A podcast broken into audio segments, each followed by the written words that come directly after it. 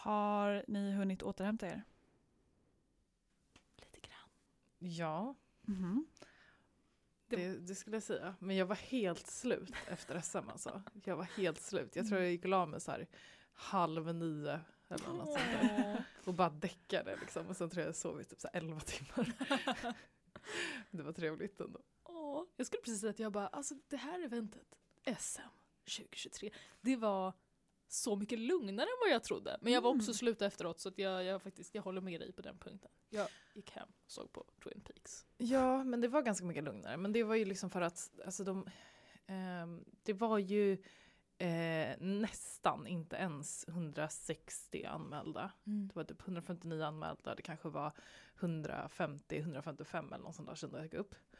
Och, ehm, och de eh, hade ju bara släppt 1200 biljetter eller något sånt där. Mm. Så att jag menar, alltså så här, hade det kommit oj, hade det kommit dubbelt så många så hade det nog blivit mycket, mycket större. Ja. Men nu, jag menar det var uppdelat i, alla hade nog fått plats i en, en av hallarna, liksom en stor hall. Men jag inte, det var ganska skönt ändå, det var väldigt luftigt liksom. Mm. Eh, det var inte liksom så mycket trängsel, inte lika mycket besökare. Det var, det var För- kul. För den, den största ölträffen som jag har varit på är ju Belgoträffen. Mm. Och det är ju det är en stor träff men i en liten hall. Mm. Eh, och det tycker jag, jag tycker det är lite för mycket, det är lite för intensivt. Och jag var inte med på SM nu i år. Var du med på Belgoträffen i år? Nej, jag gillar ju inte belgisk öl heller. Vilket är lite av ett problem. Yes. Men, Ja, för jag tänker typ, alltså så här, jag tror att Belgoträffen hade, ja den hade väl lite färre öl än vad SM Mm. hade nu. Men eh, jag tror att det här SM var liksom ungefär lika många som det har varit liksom som när det har varit som mest på Belgoträffen. Belgoträffen är bara en och samma sal. Ehm, Precis, för er att- som inte var där så var SM i Solnahallen i Solna. och eh, det, det är som en stor sporthall och det finns eh, som minst två jättestora sportlokaler. Tänk er där ni hade fri gympa, gympa på högstadiet, en stor sån sal med det där gröna golvet som var mm. helt täckt med så här plywoodskivor. när det är så här, Exakt. I en sån sal var SM. Eh, så det är skitstort. Men också om det är för mycket folk så kan det ju bli lite trångt. Men eh, det var verkligen perfekt. Så det, Solnahallen har flera stora salar och alla användes. Det gjorde det väldigt skönt. Luftigt, det var lätt att röra sig. Det var lätt att gå runt. Man kunde sitta och vila. Det var jätteskönt. Mm. Ja, och jag tycker att jag vet inte, det blev lite som en här mjuk start på SM igen. Mm. Eh, Det, har, jag menar, det var fyra år sedan senast.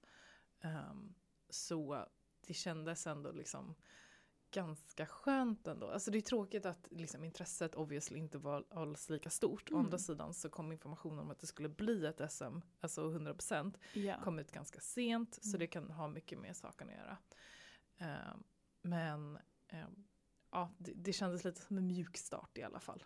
Och nu Men- är jag så otroligt taggad inför nästa år. Men Maja, du tävlade ju också. Ja, det gjorde jag. Vad ställde du upp med? Ehm, jag ställde upp med en rököl Mm. eh, och den var, verkade vara uppskattad. Eh, I alla fall för de som gillar rököl. Det är ju lite av en, eh, ofta är, man gillar det eller så gillar man det inte. En liksom. acquired taste. Ja, så gillar man rököl utifrån de jag hörde i alla fall så tyckte väl folk att den var god. Eh, den var ganska milt rökig, den var inte superrökig. Eh, och sen ställde jag upp med en, en blåbärssuris. Mm. Mm. Mm. Den var jättegod. Så den var, det var en, eh, ja, det var en kettle sour. Eh, alltså att man syrar eh, innan kok. Eh, och sen eh, hade jag i, eh, eller hade jag och min kompis Tove då, som eh, jag ställde ut med då. Eh, vi hade i fem kilo blåbär. Oj, på Wow. 20 liter. Ja, i jäsning. Wow! Ja.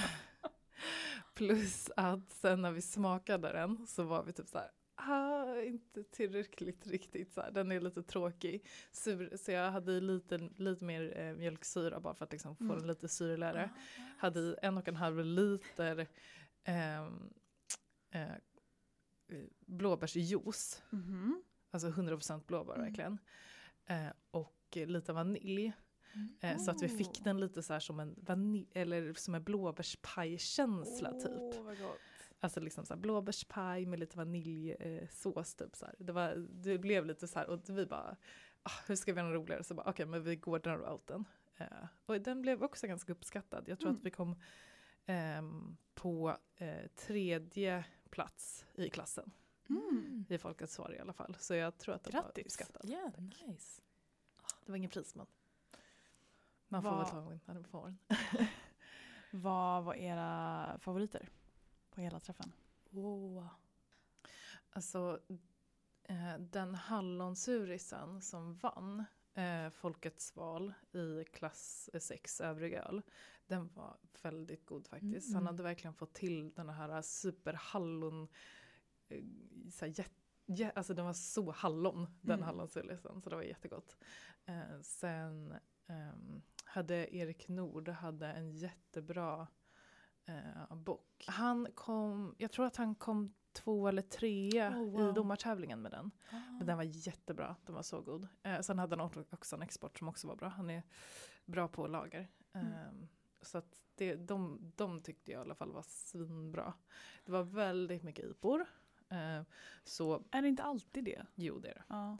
Eh, och det är liksom roligt för i domartävlingen så var ju klass 1, alltså lager, den största klassen. Och det är det ju Mm. absolut inte i Folkets val kan jag säga. Och vad, vad beror det på? Alltså varför är IPA så populärt i Folkets val och lager i domartävlingen? Alltså jag, jag tror att dels kanske de som eh, ställer, ut, ställer ut i domartävlingen, eh, de är Alltså det, jag tror inte att det är samma människor Mm. nödvändigtvis. Jag tror att när man, om man ställer ut i domartävlingen så kanske man ställer ut mer med lager eller så här öl som man liksom är liksom tekniskt bättre. Och, eller liksom Mm. så här att man går in mer på det. Eh, I Folkets val är det ju mycket så här people pleaser. Eller alltså så här, du, vill Mm. ha en, du vill ha en öl som många gillar bara. Så det Men handlar inte om att ölen är- måste vara jättebra. Kanske det som är trendigt, det som är Mm. hett just nu. Ja. Alltså New England IPA är ju det folk beställer på krogen. Så det Ja. kanske är det man lättast vinner med i Folkets val. Mm. Ja, och det var lite tråkigt för jag började smaka lite IPor. Och det var nog många som var typ så här, ja ah, men det här är en vanlig IPA. Och jag bara, åh fan vad äntligen en vanlig IPA. Absolut att det inte var en vanlig IPA, det var New England IPA, det var ingen baska alls i den. Jag bara. Ja, men det var någon IPA jag smakade i alla fall som hade lite baska i sig. Men, ehm, nej men så jag, när jag gick runt så var jag typ så här, jag insåg att jag inte kommer hinna testa all öl. Mhm. Eh, Rimligt. Ja, jag hade nog kunnat om jag hade hunnit, men jag hann inte. Jag var tvungen att stå och servera och sen stod jag lite SOVF-montern också. Ehm, så eh, jag hoppade över i princip alla IPor. Mm. Eh, vilket gjorde att då var det ganska rimligt antal med Ja. andra öl kvar. eh, och sen när jag faktiskt gick omkring det sista, jag gick omkring i början och jag gick omkring i slutet. Och när jag gick omkring i slutet, det var ju många öl slut. Mm. Ja. Och då vill jag säga till alla, som jag sa till många bryggerier där också, alltså när man är på SM, det är ju små smakprov man ska hälla upp. Alltså jag vet inte hur många bryggare jag såg att jag bara, jag vill ha jättelite i glaset. Mm. Och de hällde ändå upp för mycket. Mm. Och så här, you can't blame them för att det, det var ganska svåra glas. Mm. Alltså de sa typ så här, jag tror att arrangörerna sa liksom att okej men häll upp till det här märket så är det liksom ett bra smakprov. Ah. Ja. Fast det är inte, hällde man upp till det här märket så var det alldeles för mycket för ett, Mm.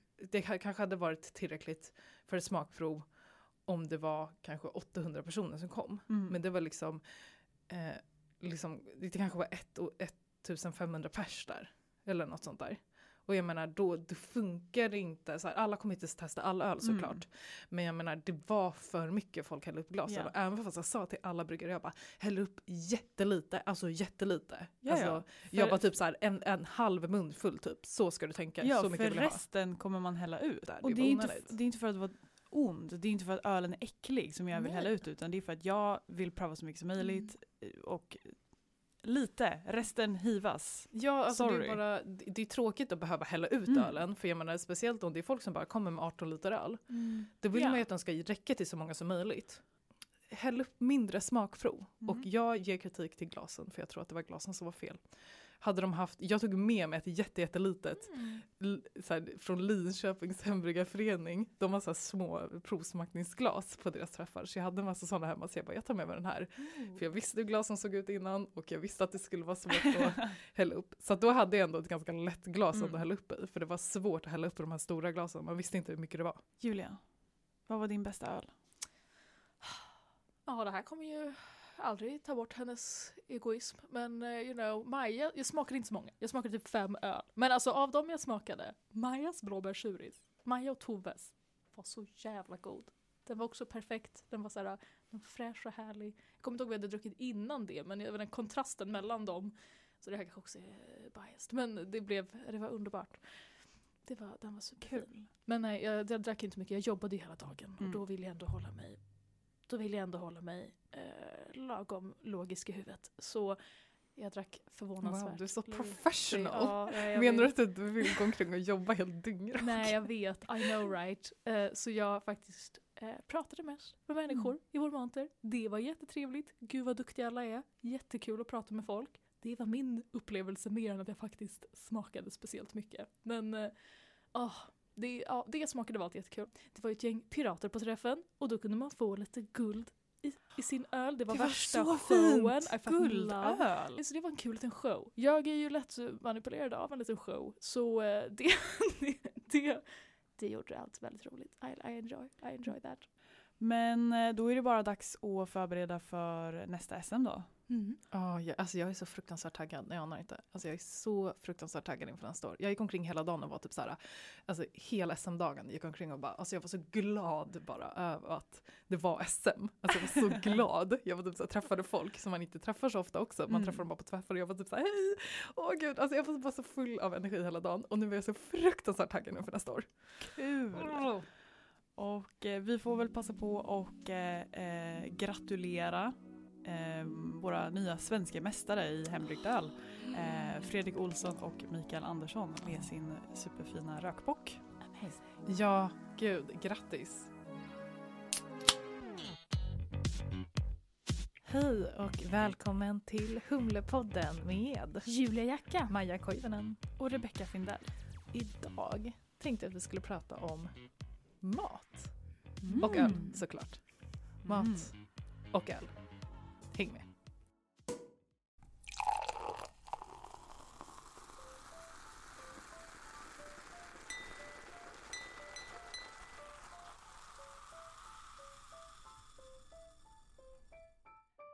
I drink champagne when I'm happy.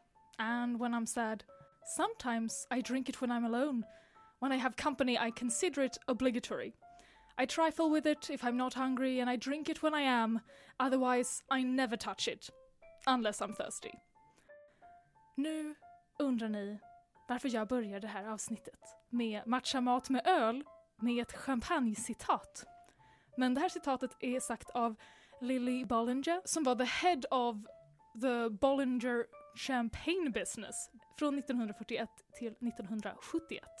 Och om hon inte är en entreprenör i eh, drinkbranschen, då vet jag inte vem som är det, så hon förtjänar att nämnas i den här podden. Och jag tar upp det här för att när jag började göra research på matcha mat med öl, då kom det upp massa artiklar om sommelierbranschen. Och två av de översta artiklarna jag läste var “Inga problem med jämställdhet som sommelier” eller eh, “Nu börjar jakten på Sveriges bästa kvinnliga sommelier”.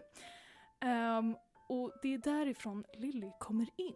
Och det finns flera tävlingar för sommelier, både specifika för kvinnor som Lily Bollinger eh, Awards, men också allmänna tävlingar för alla sommelier och i sommelier-SM 2014 var hälften av deltagarna kvinnor och i semifinalen var fem av sju deltagare kvinnor. Alltså har ni, förlåt jag Nice. sticker in här. Har ni sett en film på någon som är, alltså, tävlar som en sommelier? Nej. Nej. Men det Är det något Alltså- speciellt eller? Alltså jag kommer inte ihåg, jag vet inte om det var, jag har sett ett klipp. Och Och jag vet inte om det var någon som tävlade i att vara sommelier eller någonting annat. Eller om det var liksom, jag tror att det var liksom World Championship in Wine Tasting eller, alltså, Mm, eller något sånt okej. där. Eller World Championship in Sommelier, whatever. Och det var fan det sjukaste.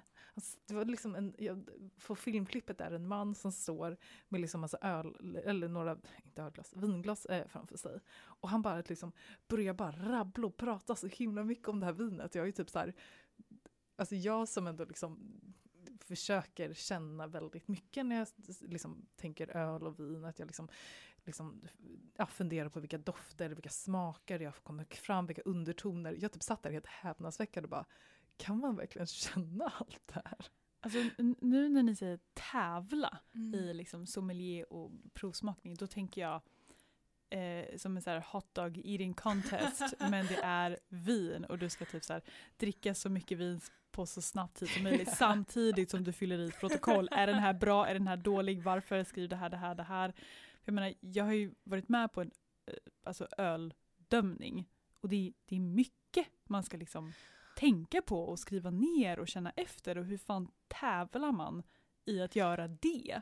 Alltså den här jag såg, där tävlade de inte i, alltså där tror jag inte att det fanns något så här, alltså du ska känna vilken som är Riesling och vilken som är eh, Cabernet Sauvignon eller alltså liksom något sånt där. Utan där var det mer att han liksom gjorde en liksom sensorisk bara Mm. liksom analys Mm. av den. Och jag har svårt att se hur, hur man ger det rätt eller fel. Eller hur, alltså jag förstår inte hur man kan rätta det. Alltså både smak och doft är ju väldigt eh, individuellt. Mm. Ja. Och att, så här, vem, vem är bäst på att vara individuell? Al- Alltså, ja. Vem har bäst smak i världen? Ja, ja. Nej, jättekonstigt. Ja, ja. Intressant. Mm. Eh, keep going. Jag tycker det är intressant. Tyvärr gjorde inte jag tillräckligt mycket research på det här eh, så jag kan inte ens svara på hur en sommelier-tävling är uppbyggd. Jag tyckte bara det var så spännande att den här branschen som är så nära typ kockindustrin eller vi kan till och med ta bryggeriindustrin och öldomare om det är det närmaste vi har i vår bransch. Eh, det finns sommelierer som jobbar med öl också. Men, men att det är så mansdominerat i allmänhet och det här verkar faktiskt vara en bransch som är kopplad till mat och dryck som är ja, ja men verkar vara nästan kvinnodominerad. Jag tycker det är skithäftigt. Så Wow. Ja, Mm. Guys, it is possible. Ja, Exakt. Jämställdhet, it is possible. Och det är också att sommelierbranschen har inte alltid varit kvinnodominerad utan det är något som har växt de senaste åren. Så det brukade vara jättemansdominerat och nu har det ändrats. Så jag tycker det, vill man läsa mer om det här är det jättespännande och om, om du sitter och lyssnar på det här avsnittet och bara gud det här är jättespännande, det kanske jag vill jobba med. eh, Så, så finns det massa coolt man kan göra och massa häftiga människor som, som gör det här. Alltså goals för branschen alltså. Ja. Ja, och det känns ju lite kul ändå med tanke på att alltså, vi har pratat mycket om det i podden att ehm, öl och kanske även vin har varit kvinnogöra historiskt sett och sen så har det liksom tagits över och blivit en, en mansdominerad eh, ja, syssla eller liksom eh, arbets, eh, ett jobb eh, men att det nu i modern tid liksom kommer tillbaka eller kanske inte helt till 100% men åtminstone jämnar ut sig eh, så att det är mer, mer jämnt och Mm. fint. Yes. Eh, men precis, hur matchar man mat och dryck? Alltså, så precis som ni sa, det är så himla... Alltså, smak är ju så oerhört subjektivt. Det är... All, alla vi kommer även känna smaker lite olika. Men jag kommer snart gå igenom lite grundsmaker. Det finns några regler som liksom har forskats om och vi vet att alla de här grundsmakerna de påverkar alla människor likadant. Sen om man tycker om det eller inte, det varierar. Mm. Men det här är, det, det, det finns några grundregler vi kan följa. Alltså så här fysiologiskt. Precis. Mm. Och jag, jag försökte kolla, först började jag kolla på folk som matchade öl och mat. Eh, allt från bara ja, men duktiga sommelierer som, som diskuterar ja, den här rätten den skulle jag matcha det här med till något bryggeri som matchade öl och mat. Och, och det är kul men det, är, det blir inte bara subjektivt men det är också svårt för att även om de säger okej det är en hamburgare, vad, vad vill jag matcha den här hamburgaren med de här ingredienserna med? Så kan ju inte jag smaka den ölen som de väljer eller jag kan inte smaka den hamburgaren. Det, det, det hjälper inte med att jag, att jag har det här segmentet nu och säger all glass passar jättebra med den här grejen och sen om du ska äta en sallad då passar det med den här specifika ölen. För, för så kommer ingen uppskatta den här informationen heller. Det, det måste ju presenteras på ett sätt som gör att man själv kan liksom lära sig och använda informationen. Inte som du säger att så här, Va? men- Jag vill ha ett facit. okej. Jag ska försöka. Jag har basically ett grund, men det är det. Så jag kommer ge er den grundläggande teorin och sen ska vi applicera det här på verkligheten. Okej, så hur matchar man mat och dryck? Det finns tre saker som man kan fokusera lite extra på för att få den ultimata smakupplevelsen. Och det är smak, konsistens och arom. Vad tror ni är skillnaden på smak och arom? Eh, näsa, mun. Nice. 10 points to Maja. Oh, eh, alltså smaker finns det ju fem stycken av. Det, det är så det det är de som är på tungan. Och sen aromer, det är väl typ allt annat. Att, att, men om man, om man bara, eh, vänta, jag, vänta jag, jag kan det här. Eh, om man andas genom näsan så är det skillnad på vad man upplever jämfört med om man andas genom munnen. För då kan du typ uppfatta smakerna, eh, inte bara aromerna. Men gud, 10 points till Rebecca. Yay! Också shit! Vi hade ju skitbra koll på det här. För, för det är det spännande. Smak är bara det man upplever på tungan och det är bokstavligen bara sött, salt, surt, beskt och umami.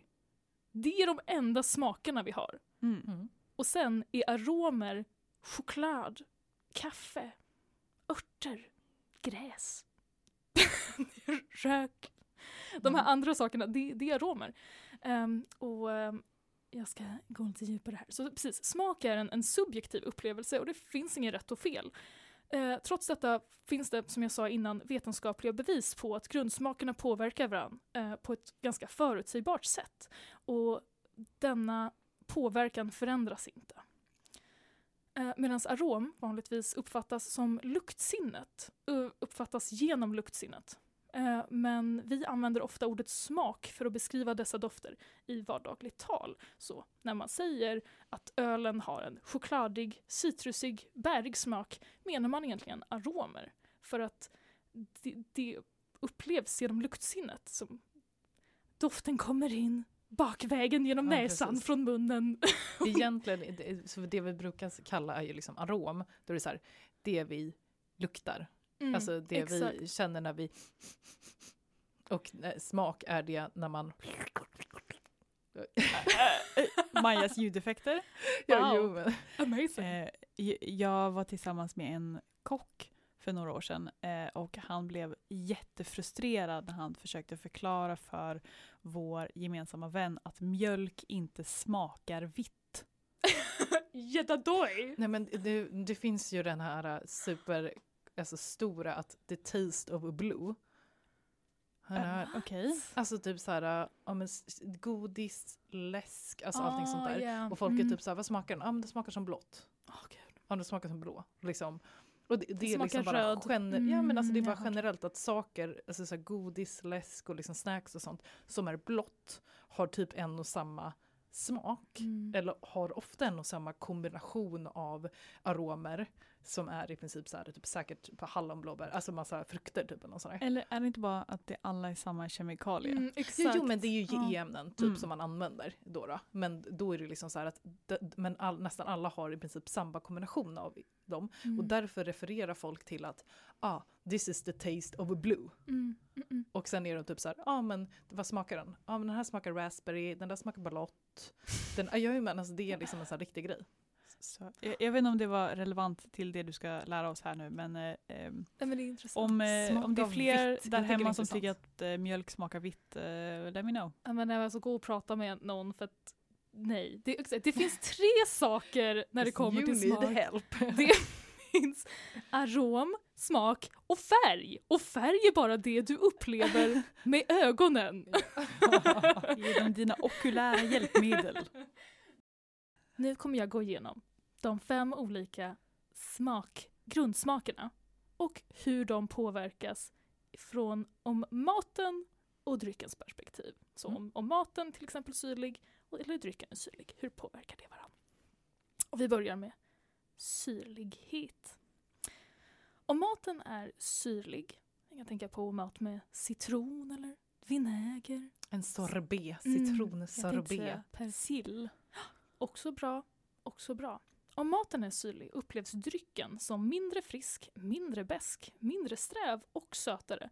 Därför behöver man välja en dryck som är lika syrlig som maten. Om man serverar en syrlig maträtt med en mindre syrlig dryck kommer drycken lätt smaka platt och tråkig i jämförelse med maten. Tänk er en rätt som har mycket citron. För att framhäva smaken i maten är det bäst att välja något friskt och torrt som balanserar upp maten. Om du väljer något som ett- till exempel ett vin som är lite sött, då kommer det att förstärka de söta smakerna i drycken och det, det gör att drycken blir platt. Vet inte om det där makes sense, men, Jo men it makes sense. Bara matcha syrligt. mer syrligt. syrligt. Mm. Systembolaget gjorde, hade så superpedagogiska listor, eh, så punktlistor av vad syra i mat och syra i dryck gör. Så jag kommer bara rabbla dem för jag känner att det kanske blir mest pedagogiskt ljudform. Så, tack Systembolaget, jag har snott alla era listor. Jag kommer själv jag kommer referera till er här varje gång. Syra i maten gör att drycken känns sötare, mindre frisk, mindre sträv och mindre besk. Medan syra i drycken gör att maten känns sötare, mindre frisk, mindre besk, mindre het. Så, så man kan ju faktiskt också manipulera måltider om man förstår den här informationen. Tycker Och- man att det här var lite för syrligt så ser man till att välja en väldigt syrlig dryck för att då kan det upplevas lite mindre syrligt och kanske lite mer sött. Precis. Mm. Och det, det kommer att komma fler sådana tips eh, nu här snart som jag tyckte var väldigt smarta. I alla fall. Matcha med sötma. Om maten är söt så upplevs drycken ofta som friskare, beskare och mindre söt. Drycker som är torra och sträva, som vissa viner och öl, kommer alltså att bli torrare, ännu torrare och strävare. Så äter man sötare mat ska man försöka matcha med en sötare dryck. Sötma i drycken gör att maten känns friskare, mindre salt och söt och mer besk. Så om man har en maträtt som är väldigt söt kan man balansera upp det med en dryck som också är väldigt söt.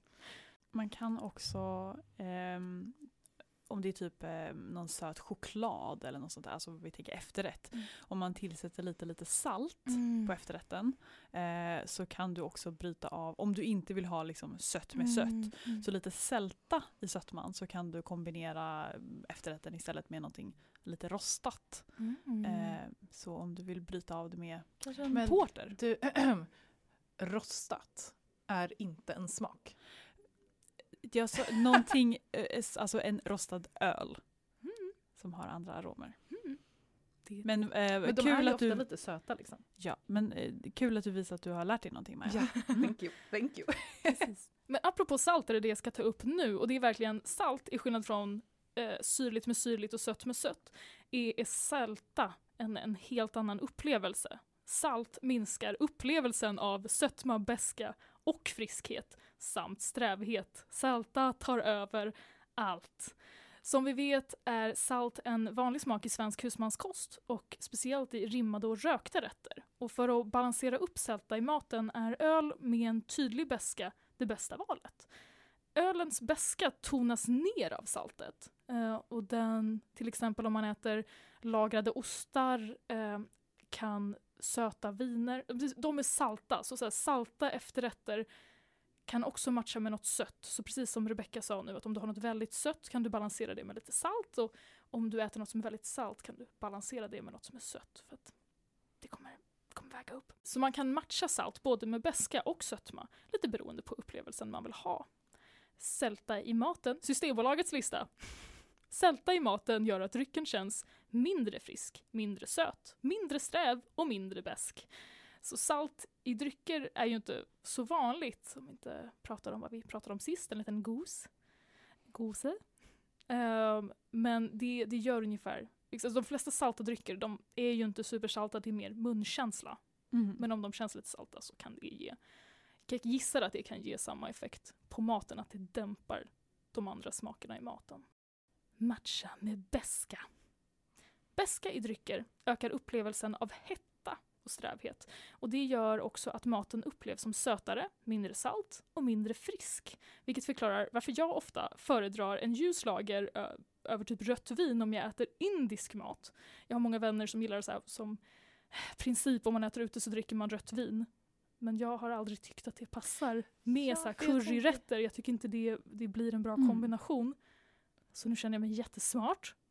Men du sa att, du sa det beska i drycken ökar eh, Upplevelsen av upplevelsen av hetta. hetta. Och strävhet. Mm. För det är det jag känt att så här, det är verkligen typ nästan alla, inte bara indiskt, utan väldigt mycket av asiatisk liksom, mat passar mycket bättre med, och jag tror inte det handlar om, det är för sig, all, all, all asiatisk mat inte, men de brukar mycket, ha mycket syra i sin mat känns det som, och mycket sälta Mm. eh, också. Eh, men mycket så här indisk eller typ även så vietnamesiskt eller japanskt, alltså då tycker jag nästan alltid det passar bättre med öl. Mm. Mm. Mm. Det är intressant. Mm. Det, Det kan också ha med alkoholstyrkan att göra. Ja. Att vin är ju i regel nästan alltid starkare än öl. Mm. Eh, och alltså, eh, stark mat kan liksom, du upplever hettan som mer intensiv om Mm. du har någonting väldigt alkoholstarkt. Mm. Så intressant. en liksom, ja, kanske 4-procentig eh, pale ale kanske är bättre än liksom ett 14-procentigt rött vin. Mm. Så äh, beska i maten gör att drycken, precis, ja, precis, nu hade vi först beska i drycken så nu är det beska i maten. Beska i maten gör att drycken upplevs beskare, strävare, sötare och mindre frisk. För att balansera beskan i maten är det bäst att välja en dryck med en mjuk smak. Om maten är för besk, alltså det, ja, det där är ju ett vagt ord, men jag tror vi förstår. Alltså typ så här, det kanske passar bra med vin till Ja. en besk mat. Mm. För en besk mat framhäver Ja, precis. Vänta, vad, vad finns det för besk mat egentligen? Jag tänker typ rucola. ja. en skål med rucola. Nej men ja men det, det är Sådana typ saker. jag tror det var många tips jag hittade på olika hemsidor. Bara så här, olika salladsrätter är ofta beska. Okej. Mm. Men eh, en Ehm. sallad med rucola och typ valnötter. Ja, precis. Mm. Perfekt. Mm, Men också typ så här, choklad kan, vara, kan ju vara bra. Just det, det efterrätt. Ja. Mm. För att balansera beska i mat är det bäst att välja en dryck som är mjuk. Om maten är för besk till, eh, till om, om maten är för bäsk till drycken kan man lägga lite salt eller pressa en citron över maten för att dämpa beskan och balansera upp måltiden. Så det är ett superenkelt, superbra trick att om man upptäcker att man har lagat en rätt. Och, eller faktiskt, som vi kommer prata om en stund, när man kanske har öl i maten och man råkade ha en väldigt besk öl i maten och plötsligt är ens jättegoda sås jättebesk. Då kan man eh, Är, är den här personen i rummet med oss just nu, Julia? kanske, jag vet inte, it's crazy. Så, så är det ju ett bra tips att, att man kan lura smaklökarna lite grann. Den femte grundsmaken, umami. Umami, umami härstammar från japanskan och betyder ungefär delikat. Den specifika smaken är associerad med glutaminsyra och dess salter som ofta används som en smakförstärkare i olika kryddblandningar och buljonger. Umami förekommer också naturligt i livsmedel som fet fisk, skaldjur, alger, sjögräs, svamp och lagrad ost. Många grönsaker, inklusive sparris, spenat, tomat och sen sojaprodukter som sojasås, tofu och tempe eh, har också mycket umami-smak i sig. Umami är en smak som ökar upplevelsen av beska och strävhet i drycker, vilket innebär att umamirika rätter sällan passar bra ihop med röda viner eller beska ölsorter. Genom att välja en dryck som har en lägre beska och eller en viss sötma kan man balansera ut smakerna och skapa en bättre smakupplevelse. Eh, och det finns bara två tips från Systembolaget om umami. Umami i maten gör att drycken känns strävare och beskare. Mm. den där var mest intressant för mig. Mhm, eller ja, jag, jag faktiskt. lagar mest, eller väldigt mycket umami. Mm. När du typ listade de där eh, liksom maträtterna, eller maten som innehåller det. Så Mm. jag sa, okej, allt förutom kött, fisk och skaldjur, det är liksom, that's my jam. Det är tofu, det är svamp, det är, ja, I love it. Ehm, och jag lagar väldigt mycket spicy, alltså kryddstarkt. Mm, mm, Och att så här, komma ihåg att inte kombinera det med en IPA mm, exakt. är liksom väldigt bra. Mm. För det, det, det inte nog med att det är väldigt, det är två väldigt eh, intensiva smakupplevelser. Mm. De Passar inte ihop med varandra. Mm. Så det blir att man helt plötsligt inte kan njuta av någon av dem. Mm. Men det är och för sig intressant för jag känner också att mycket, för det var det jag sa, att mycket så här, ja men japanskt eller vietnamesiskt eller liksom vad det ska vara. Det, det är ganska mycket mycket umami där. Mm. Men då brukar jag nästan alltid ta en ljus lager. Mm, men de är inte men- så jättehög beska i dem men i och för sig. Det precis. brukar vara ganska mild beska i dem ändå. Men jag Mm. drack ett gäng, vi kommer prata om det här mer i nästa avsnitt, men jag drack ett gäng asiatiska ljusa lager för ett tag sedan.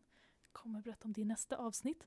Eh, och det finns riktigt god öl. Mm. Alltså wow. Ehm, jag blev jätteintresserad. Så jag förstår också varför det massa, och typ alla indiska restauranger, japanska restauranger, asiatiska restauranger allmänhet har ofta en ljuslager minst Mm. på sin meny. Och det är helt rimligt, det är en bra parning. Innan vi går vidare, okej bara apropå, apropå det här med, med Mhm. salt. Det här är vad som händer när jag inte läser mitt manus. En annan kul grej, det, det fanns mycket mer information om olika konsistenser och det är både liksom munkänslan av mat men också munkänsla av dryck och att de påverkar varandra. Och en av de som kan lätta upp feta mater och även salt mat är bubbliga drycker. Drycker med bubblor lättar upp och det kan även ta med aromer i bubblorna liksom från maten. Det, det blir en kul kombination. Och sen friskhet i något balanserar upp fett och salt. Och det fick mig att tänka på varför man får läsk på snabbmatsrestauranger. Och att det inte bara är så här äh, en, en lag för att det är så här, det mest ohälsosamma du kan äta är snabbmatshamburgare med pommes med en läsk. Men faktiskt att den söta men syrliga och bubbliga drycken balanserar upp det salta och feta och söta i maten. Wow. Mm. It's actually kind of a smart pairing. Okej. Mm. And that blew my mind. Så, så när man går på liksom snabbmatsrestauranger så kan man säga ursäkta jag skulle vilja ha kan du, kan du matcha min hamburgare med en dryck tack? Och de bara I mean sure, ta en cola. Och det är ju Mm. den, alltså cola, sött men lite syrligt. Fanta, Och- sött men lite syrligt. Sprite, sött men lite syrligt. Alla de här populära läskdryckerna har de smakerna som passar med onyttig mat. Ooh. För jag tror om man, Mm. det är därför de är populära, för att de passar faktiskt bra, de balanserar upp. Oh, Gud vad sugen jag spännande. blev på en jättefet maträtt med läsk nu. Pommes.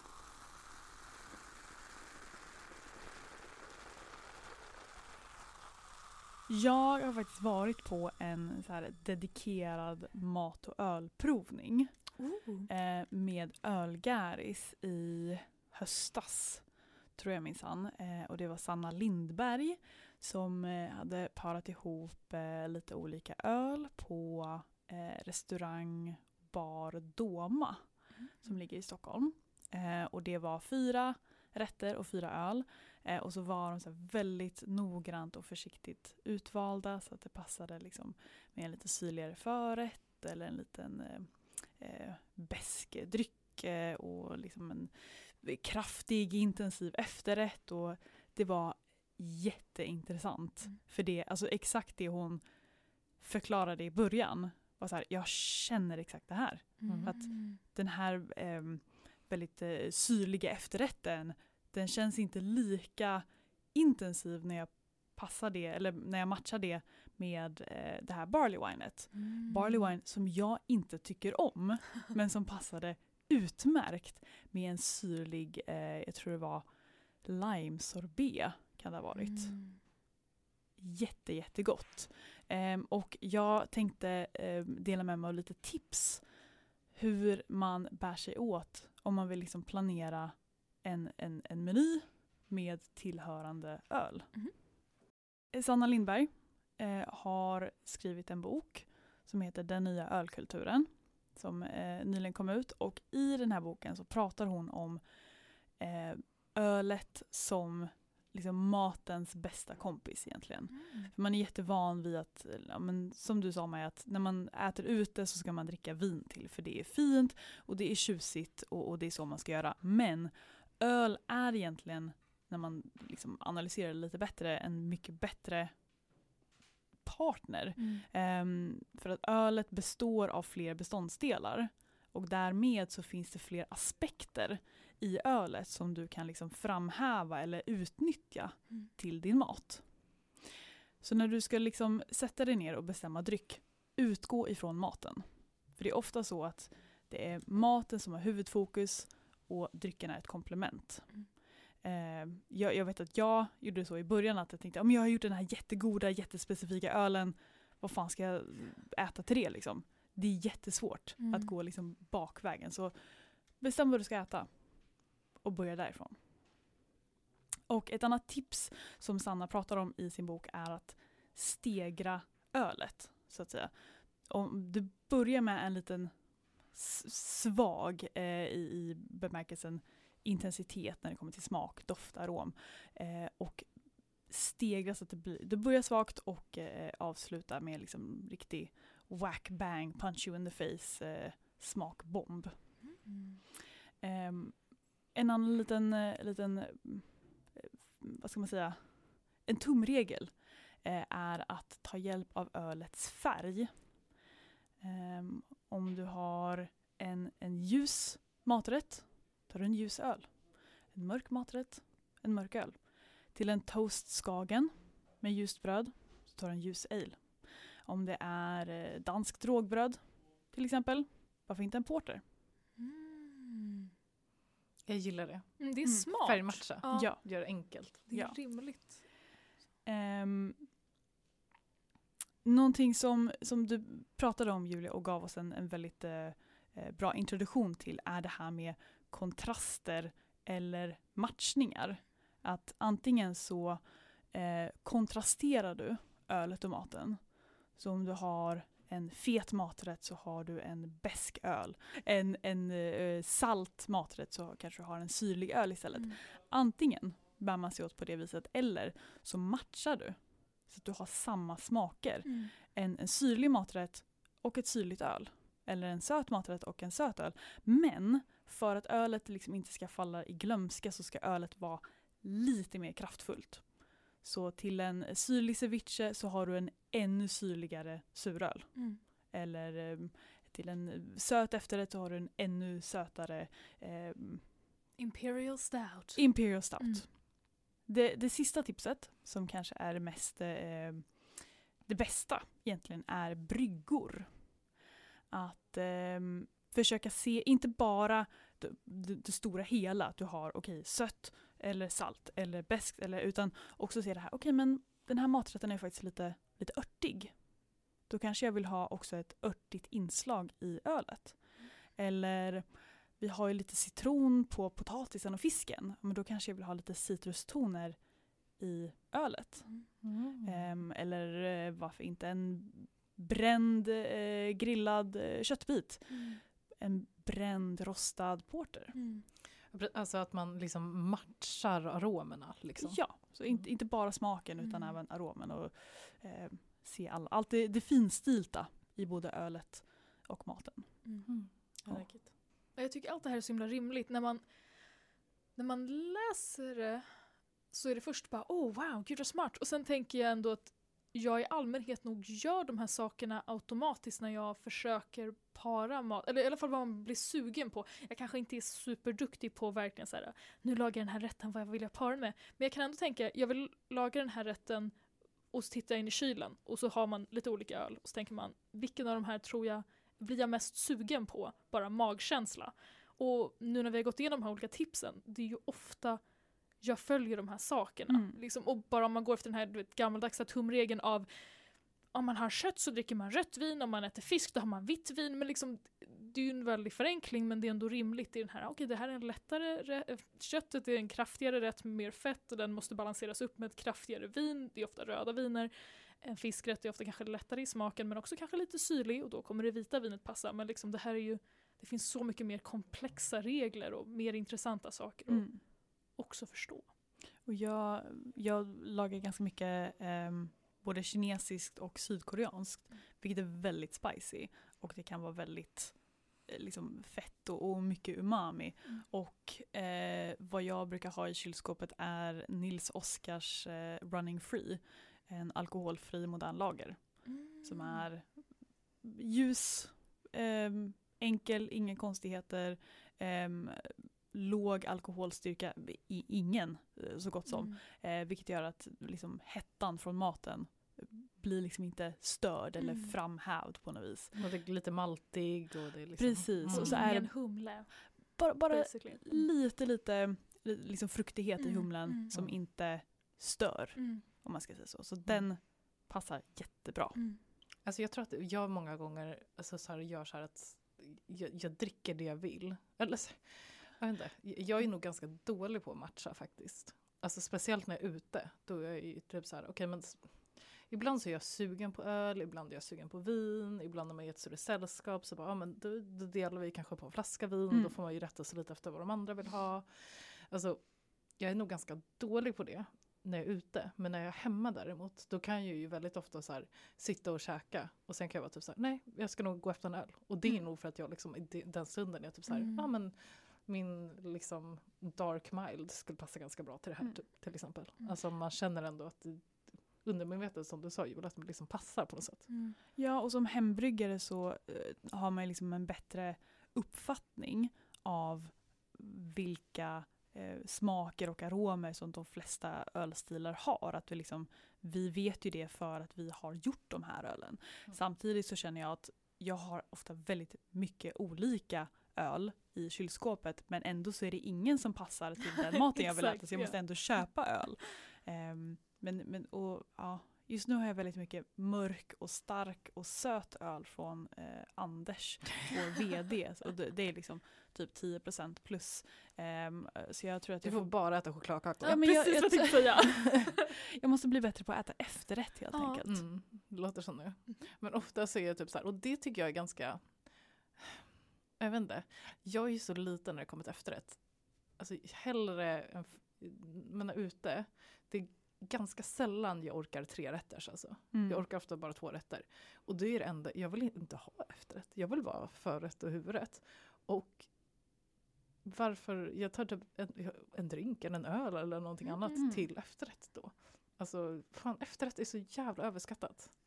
Oj. Jag vill bara ta ett, ett glas med någonting istället. Men, men, Liquid dessert is the best ja, men dessert. alltså öl kan ju absolut få vara dessert. Mm. Alltså en kladdkaka imp stout eller Mm. en liksom hallon och blåbärspaj suris. Alltså det, det har blivit Ja. så komplext och, och välutvecklat. Eh, speciellt när det kommer till hantverksöl Mm. här i Sverige. Så man behöver inte krångla till det och trycka ner sig, eh, trycka i sig en efterrätt ba, bara för att. Mm. Utan Mm. ta en öl istället. Ja precis, för det blir ofta det. Och speciellt, alltså även typ så här, ja men Alltså många är typ så här, okej men vi har någon veck eller vi, har, vi ska ta ett dessertvin eller vi ska Mm. ha, ta ett liksom, lite glas med rom till efterrätten. Och jag är typ så här, slut, sluta förstöra drycken med efterrätten. Varför tar vi inte bara drycken? Mm. Alltså, det, är- jag inte, för mig blir det också så här, inte, det blir lite kaka på kaka för efterrättar är oftast, nej, men det är det jag har så mycket problem med när det är för sött tror jag. Mm. Så att det Ja. blir, bara blir för mycket tror jag. Jag, jag är samma, jag gillar inte sött egentligen utan det är salt umami är, är Mm. mina liksom smaker. Så en söt efterrätt, ja. ja. Intressant. Däremot öl, Nej, nu får du Ja, säga någonting. Ja, nej. Vad har du för erfarenhet? Ja, Jag tänkte här för att lätta upp stämningen för alla som lyssnar där hemma och nu kommer sluta lyssna. Nej jag ska, nej. Men jag, jag är lite samma egentligen. Jag, jag föredrar också salt över sött. Om jag ska ha en snacks så äter jag hellre något salt än något sött. Jag har aldrig sug efter det. Men eh, det, det kanske förändras med tiden. Det kanske är olika stadier i livet. Jag vet att för några år sedan hade jag bara ätit sött as a child. Och nu njuter jag mer av, av annat. Men, men till exempel, det finns inget... när jag upptäckte en bra Imperial Stout efter maten och liksom fattade att det är så jag njuter mest av den. Det är inte att man ska hälla upp det i ett pintglas och bara klunka. Det går, det går ju inte ens. Jag vet inte varför man har den bilden, för att man tror att typ en Imperial Stout är en lager. När jag upptäckte att jag bara, nej men gud, jag öppnar ju bara en flaska och sen så bara häller jag det i små espressoglas till Mhm. alla jag äter med. Mhm. Det, är det, det är den bästa grejen Det jag någonsin har gjort. Exakt, och det, det är en perfekt balans. Och det är så lite sött men det är också maltigt och det är massa andra komplexa smaker och man bara, mm, man bara njuter. Mm. Ehm, men apropå att, att byta ut öl mot en efterrätt, också att ha öl i mat är ju Mm. underbart. Och jag hittade en fantastisk information om att som vi vet som brygger att ju längre man kokar humle desto mer beska kommer ut. Och samma sak gäller i matlagning. Så om man Mm. häller öl i mat så måste man göra det mot slutet om man inte vill ha det väldigt beskt. För låter man ölen koka för länge och det är ganska, eh, jag vet inte ens om det måste vara humledominerat, men om det finns humle i ölen och du kokar maten länge då kommer det fortsätta ta fram beskan i humlen och din måltid kommer bli mer besk. Och jag, ja. Men det här är ju någonting som jag jag är ett expert på. Nej, Okej, okej. skojar. Nej men så här, för det, det är ju en sak man tänker väldigt mycket på som bryggare. Att så här, har du en ganska söt, det är det som är grejen med typ så här, ipor eller dubbelipor. Ju sötare du gör ölen, desto mer balans får du i ölen av att lägga ner i en beska. Mm. Så jag, eller jag tycker det, i alla fall det att beska och sötma i öl balanserar varandra väldigt mycket. Mm. Har du för lite sötma och för sött, då blir den väldigt obalanserad. Samma sak om den är jättebäsk och inte har någon sötma och torr. Då blir den också jätteobalans. Det är därför jag inte gillar de jävla niporna. Eller liksom, för de är för söta och bara för jolmiga. Och sen är det De ingen beska som balanserar ut. Ja men alltså de, de är ingen balans. Det blir bara jobbigt och tjockt liksom. Du, det känns inte som du dricker, du blir bara, jag vet inte. Jag tycker det är jättejobbigt. Jag tycker inte de har någon balans. Så liksom sötma och beska måste på något sätt balansera varandra. En öl som är väldigt torr tillåts och, inte, eller, och liksom inte har de här eh, aromerna av liksom mycket som man får av många så här karamellmalter eller, eller har liksom en rastsötma. De tillåter inte att ha lika hög beska. Så det är Mm. därför jag tänker att en väldigt så här, ljus lager kanske du upplever väldigt mycket beskare än vad du kanske skulle uppleva en bara en vanlig amerikansk apa. Men det, eh, liksom, den ljusa lagen kan i själva verket vara tekniskt sett mycket mindre besk. Om du kollar på IBUn. Mm. Eh, och det är bara för att den har så mycket maltighet, mer maltighet den här eh, amerikanska eh, alen. Så att Mm. den upplevs liksom bara så, som att, så att man balanserar ut. Precis, så, ehm, så att, eh, men eh, för min absoluta favorit eh, fulöl som jag har pratat om hur många gånger som helst nu är ju eh, eh, Falcon Bayers. ja, och gud, jag, det är femte avsnittet jag pratar om Falcon Bayers. Vi är inte sponsrade av dem, alltså I freaking wish, men nej. Nej men den är jättebra i matlagning som jag nämnt tidigare. Jag tycker den är perfekt för den är inte jättebäsk, eller den är inte speciellt bäsk. Eh, den har väldigt mycket sötma, väldigt mycket maltighet som är typ det som jag tycker passar bra. Och min absoluta favoritmaträtt är en chili som jag Mm. grillar, eller Mhm. jag eh, vet du, röker på grillen. Eh, och den är, eh, jag brukar använda typ, eh, det går bra med umf, men jag brukar använda, eh, eller jag brukar använda umf, men det går även bra med typ tofu. Ehm, eller om man gillar kött, så I guess. Ehm, och eh, då använder jag väldigt mycket eh, Falcon Bayersk som bas i den. Mm. Jag brukar inte låta det faktiskt, jag brukar tillsätta den liksom när det är typ en timme kvar så att det verkligen liksom går ihop sig lite. Men ändå, jag typ ställer eh, en gryta på grillen. Jag har i alla, alla ingredienser, jag tänker inte rabbla upp hela receptet här. Ehm, och sen låter jag det, eh, har jag i eh, enkvistar Vänta, va? mm, eh, i grillen, stänger locket. Jag har eh, själva... Jaha, sorry, jag trodde att du hade en i grytan. Nej, nej, nej. Grytan ställer jag på grillen eh, med, eh, eh, vad heter det, utan lock. Mm. Mhm. Jag har in enriset i grillen. Sen Mm. Det- röker du allting i enrisrök. Precis, så jag Oh. röker grytan, chilin, i och sen bara sätter jag dit några kvistar ibland. Jag kommer tillbaka till oj, eh, det du sa eh, gällande att koka det länge. Mm. Är att den grytan, och det gillar jag faktiskt, blir ganska besk. Och det är tro, det, dels på grund av att jag tror att det blir lite beska av att man liksom rök, alltså det, jag tror att det Mm. bidrar till någon form av beska också med rökigt. Men också jag tror att, för den är väldigt, det är så här long cook. Så att jag tror att det måste ju vara att ölen också kokar länge. Intressant, Mm. men den är jättegod. Och grytor som är beska är väldigt gott. Mm, men det är sant. Och det är Mm. lättare att balansera upp. Jag eh, har ju sen jag har fått lära mig hur god falconbayerska är så har jag faktiskt också testat att laga mat med falconbayersk. Eh, och det är väldigt gott. Men eh, när jag tänker på öl i mat så tänker jag på en vegansk version av pulled pork. Som man eh, Ja. också lite roligt kan kalla fooled pork. eh, som jag ofta brukar göra med eh, jackfruit. Mm. Eh, och där alla recept säger ju eh, typ du ska koka det länge med en vanlig IPA. Jag hade ju lite på känn att om man ska koka länge och IPA, nej nej nej, det känns inte bra. Så jag eh, har ju nästan alltid en apa hemma. Eh, så jag kör ju lite liksom amerikansk pale ale istället. Mm, inte lika besk men fortfarande ganska mycket frukt och lite arom så det får ändå mycket smak. Eh, så jag hade faktiskt eh, lärt mig den där läxan om eh, att inte koka besk öl för länge. Men Julia, du hade inte lärt dig samma läxa eller? Nej, nej, jag hade inte tänkt på det här. Jag, jag åt mat med öl i första gången när jag var kanske 13-14. Jag var hemma hos min kompis. Hennes mamma hade gjort eh, någon sorts, ja, men jag tror kycklingrätt. Och så var det potatis och så var det en brunsås. Och jag kommer ihåg när brunsåsen var så himla god. Och jag var så här, wow vad har du i den här? Och hon sa, hon bara, jag hade i en skvätt öl.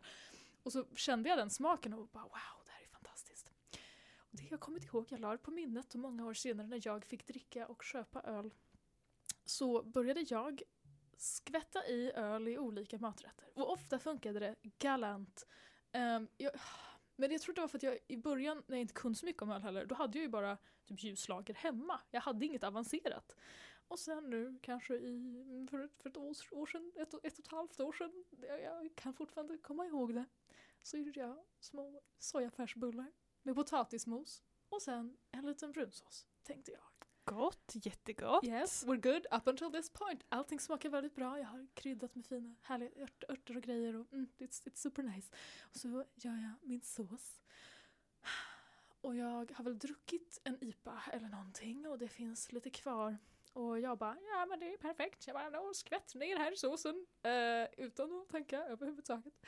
Och sen lät jag det där kanske koka jättelänge. För att jag bara, ah, it's fine, det blir jättebra. Jag, jag vet inte om jag gjorde något annat. Jag lät det vara.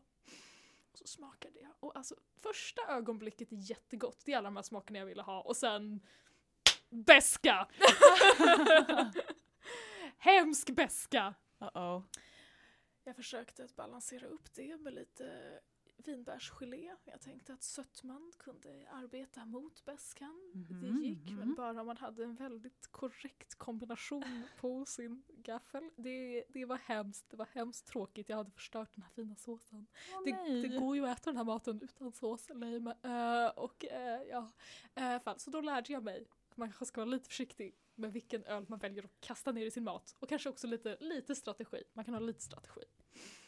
Mm. Alltså det är sällan, jag ser inte på, jag ser inte vilken maträtt en IPA skulle Nej. vara rätt öl ha i. Alltså du vill ju ha, jag tänker att man oftast vill ha åt det maltiga. Mm. Och kanske lite humle, men inte för mycket. Och i så fall är det liksom kanske lite mer aromen. Liksom sådär.